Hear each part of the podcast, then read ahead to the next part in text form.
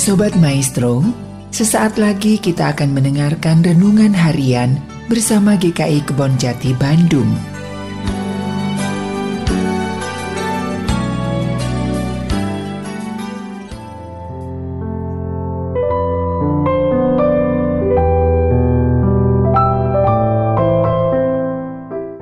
Salam sejahtera saudara-saudara, kembali lagi di dalam program Renungan Harian pada hari ini bersama saya Diki.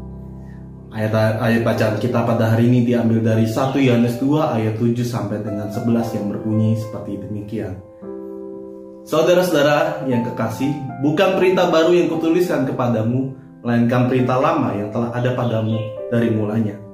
Perintah lama itu ialah firman yang telah kamu dengar. Namun perintah baru yang kutuliskan kepadamu telah ternyata benar di dalam dia dan di dalam kamu. Sebab kegelapan sedang lenyap dan terang yang benar telah bercahaya. Barang siapa berkata bahwa ia berada di dalam terang tetapi ia membenci saudaranya, ia berada dalam kegelapan sampai sekarang. Barang siapa mengasihi saudaranya, ia tetap berada di dalam terang, dan di dalam dia tidak ada penyesatan. Tetapi barang siapa membenci saudaranya, ia berada di dalam kegelapan dan hidup di dalam kegelapan.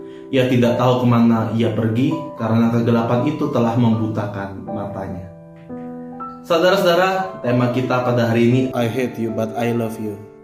Judul ini terinspirasi dari sebuah lagu lama dari se sebuah band yang berjudul I miss you but I hate you. Yang menceritakan tentang seseorang laki-laki yang merindukan pasangannya, namun ia juga merasa kesal atas tindakan perempuan tersebut. Membenci dan mengasihi merupakan sebuah sikap yang tentu berlawanan dan bertolak belakang.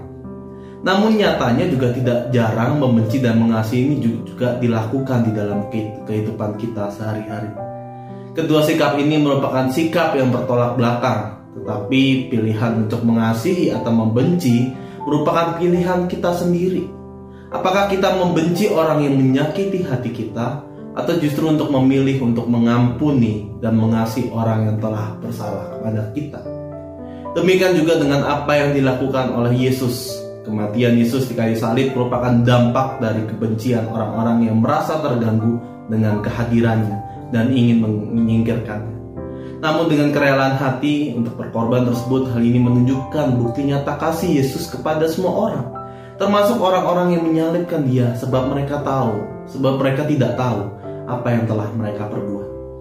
Belas kasihan yang dilakukan oleh Yesus ini yang menjadi teladan bagi kita, pengikut Kristus untuk meneladani sikap ini.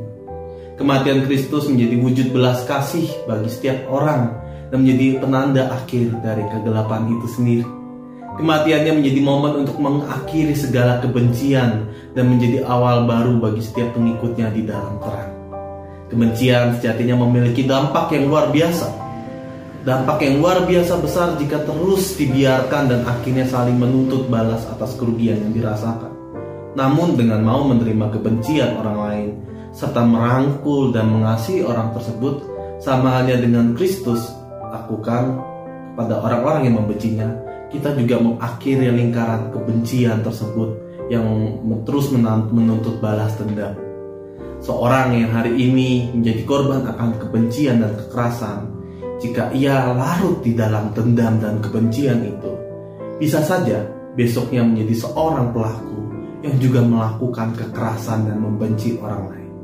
Sebagai pengikut Kristus yang meneladan Kristus, dalam bacaan ini mengingatkan kita bahwa setiap pengikut Kristus harusnya hidup di dalam terang.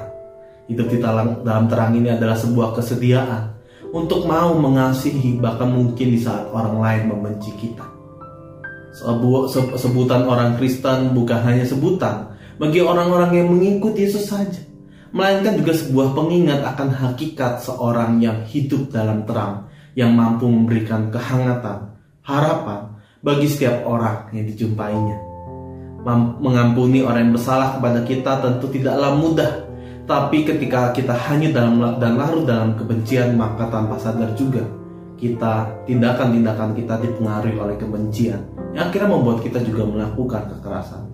Sama halnya dengan sang teladan yakni Kristus yang telah mau menjadi pemutus kebencian dengan menjadikan korban terakhir dari rasa benci itu, kita juga ditantang untuk menjadikan diri kita sebagai korban terakhir dari kebencian orang lain. Dengan begitu, kita mau merangkul dan membalas orang lain dengan penuh kasih serta hikmat daripada Tuhan. Amin.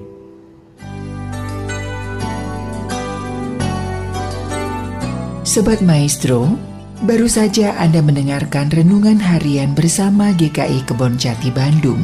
Tuhan Yesus memberkati.